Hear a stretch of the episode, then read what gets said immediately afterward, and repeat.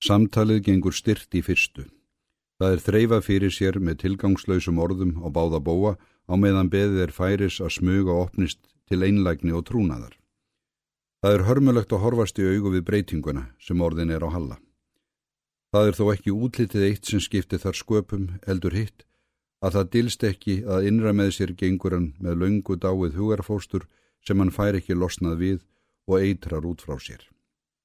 Það er ekki fyrir en lokið er úr fyrstu glösunum og búið að fylla þau á ný að varúðin dregur sér í hlje og tunguhöftin slakna. Þrútið andlit Haraldar er tekið að gljá af dryknum og óeðlilegu raki komin í augun. En þrátt fyrir það lifnar yfir honum í svipin og gömul einlægni skýtur upp kolli. Þetta áttum við þá eftir, segir hann. En er það bara blind tilviljun sem lætur okkur mætast hér eftir öll þessi ár eða átti þetta alltaf fyrir okkur að liggja. Það er einn í austur en annar í vestur endar það með því að þeir mætast, svarar vínur hans. Það er raukrétt afliðing af því að jörðinu nöttótt. Það er auðvelt að farast á mis á svona langri leiðelli. Á flesta dagar uppi áður en hún er hálnuð. Það er endalust hægt að tala um tilgang og tilgangsleysi halli. Og þó er maður alltaf jafn nær. Við vitum það eitt að við sitjum hér anspænis hvort öðrum. Það ætti að næja okkur þessa stundina. Haraldur fytlar við glasitt og fjarlægist aftur inn í sjálfan sig. Óra tími frá því við leikum okkur saman strákar, segir hann svo. En æfinlega þegar ég hugsa til þess er eins og það að við skeði gær og geti gest aftur á morgun. Við áttum okkur ekki æfinlega á því að tímin hefur snúið á okkur, Halli. Já, maður verður að súpa því segðið að það er hann sem hefur æminlega síðast á orðið. Þú ótt við að við séum báður orðinir gamlir? Já, það er vist ekki lengur um neitt að villast.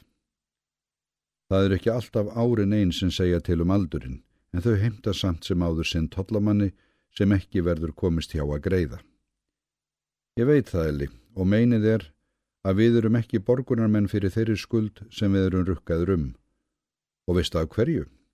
Getan til að standa þar í skilum brestur þegar maður sætti sig við það að vera gamal. Þetta er tilbúin spekjahalli. Hundun upp af þeim sem aldrei hafa verið ungir sjálfur. Getur verið, en þeim hefur samt tekist að hitta naglan á höfuðið. Sjáðu til, á meðan maður er ungur og á sér hugssjón er maður ríkur og hamingjusamur og nýtur þess að vera til, en svíki maður hana er maður allt í einu orðin gamal áður en maður veit af og lífslöngunin tínd og tröllum tekin. Trúin á hugssjónina getur kannski fleitt manni yfir skerjagarð gelgjóorana, en þegar öllur á botnin kvólt er hún aðeins tímambundin vakstarverkur og það veri slæmt ef hún eldist ekki af manni. Ég veit þú ert gáðari og lærðar en ég, Elli, svo kannski er allt í stakasta lægi með þig. Ég hef átt mín barnagull eins og þú, Halli, en þau eru laungu brotin og tínd og tilgangslust að sakna þeirra. Maður getur ekki leikið sér að fallugum gullum alla æfi, ekki haldið því áfram að láta sér bara dreyma um fyrirreitna landið sem við þóttunst sjá hylla undir í eina tíð. Við verðum að taka veruleikan eins og hann er og heimurinn ferst ekki með draumi okkar eins og við töldum okkur kannski trúum. Hann stendur enn samur við sig. Nei, það er ekki allt í lægi með þig, Alli. Þó þú haldir það kannski sjálfur, segir Haraldur og sækir aftur í sig veðrið. Hefur þið ekki alltaf verið að gera gælur við gamla drauminn þinn um blómið upp úr snjónum, svo fjärstaðu sem hann þó er. Kannski hefur það þó fleitt þér fram á þennan dag að þú hefur aldrei vaknað til veruleikans. Ég hef lesið ljóðun þín, innan tóman átrúnað á einhverja yfirnáttúrulega helgimind sem aldrei getur orðið jarnesk. Kannski ertu sæll í þinni trú en ég öfunda þig samt ekki. Það er satthalli. Ég trúði lengi á drauminum blómið upp úr snjónum því þar sá ég hylla undir mitt fyrirheitna land, en þar skíaborgir eru hrundar og löndin auð. Helgimyndin upphafna er röpuð úr hæðsinni, orðina duftu og ösku. Síðustu mánuðuna hef ég verið að gera upp sakirnar við fortíðina og þessi eru reikniskilin. Það er miskilningur ef þú heldur að ég hafi beðið tjón á sáluminni við að skera á þennan hnút. Öðru nær. Nú finnst mér ég loksins vera frjáls maður, kannski fyrsta skipti á æfinni.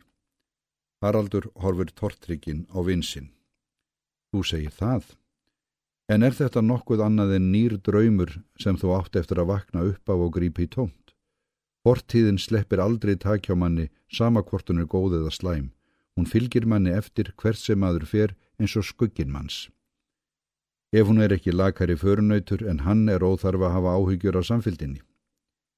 Það er vist úr móð að játa trú og afturgöngur, segir Haraldur, en samt sem áður vaða þær uppi enn þann dag í dag og láta ekki hveða sér niður.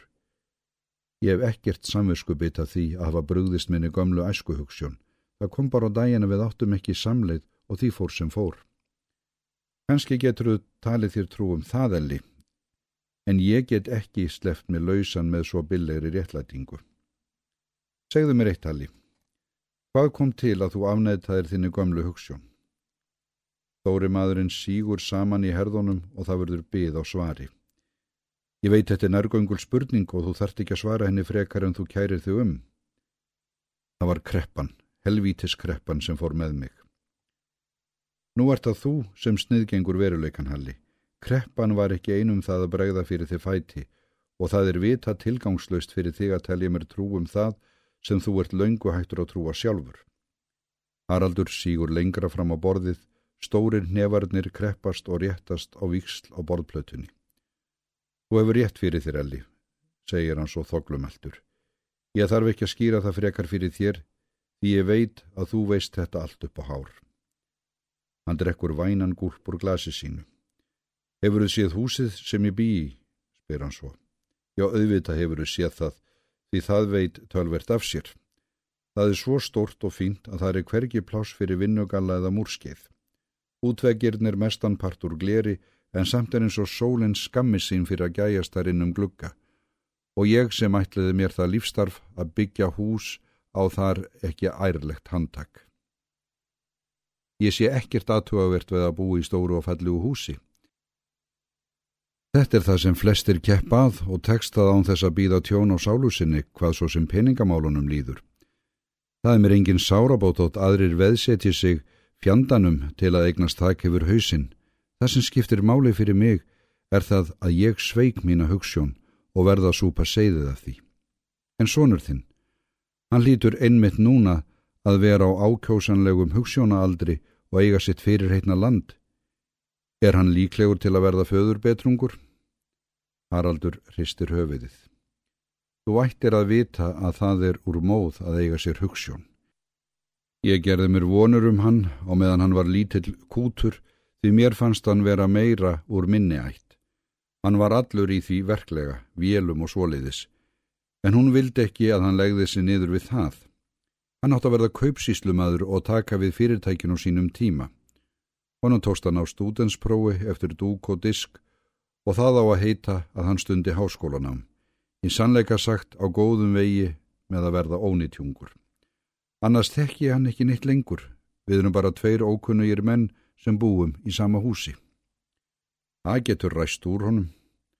Þú hlýtur að hafa tekið eftir því að unga kynnslóðun er heldur betur farin að láta að sér hveða Það er ekki vist hún standi lakar í ístaðinu en við á okkar duggarabands-árum. Haraldur horfir á vinsinn yfir brúnin á glasinu, röku, dimmu augnar á því. Þú heldur það, segir hann svo, en þó henni tækist það er það engin málspót fyrir okkur. Við höfum báðir dæmt okkur úr leik fyrir laungu og það skiptir nákvæmlega engu máli hvorum eigin hryggjar við liggjum. Við erum dauðir elli þó við séum kannski að berjast við að telja okkur trúum annað, dauðir. Og kolveran í sig úr glasinu stendur sílalega upp, riðar dálítið á fótum en tekst þó að halda í afvægi. Vertu sællelli, verfur svo til dýra og er farin. En samt verður eitthvað eftir af honum í herberginu sem ekki verður vísað á dýr.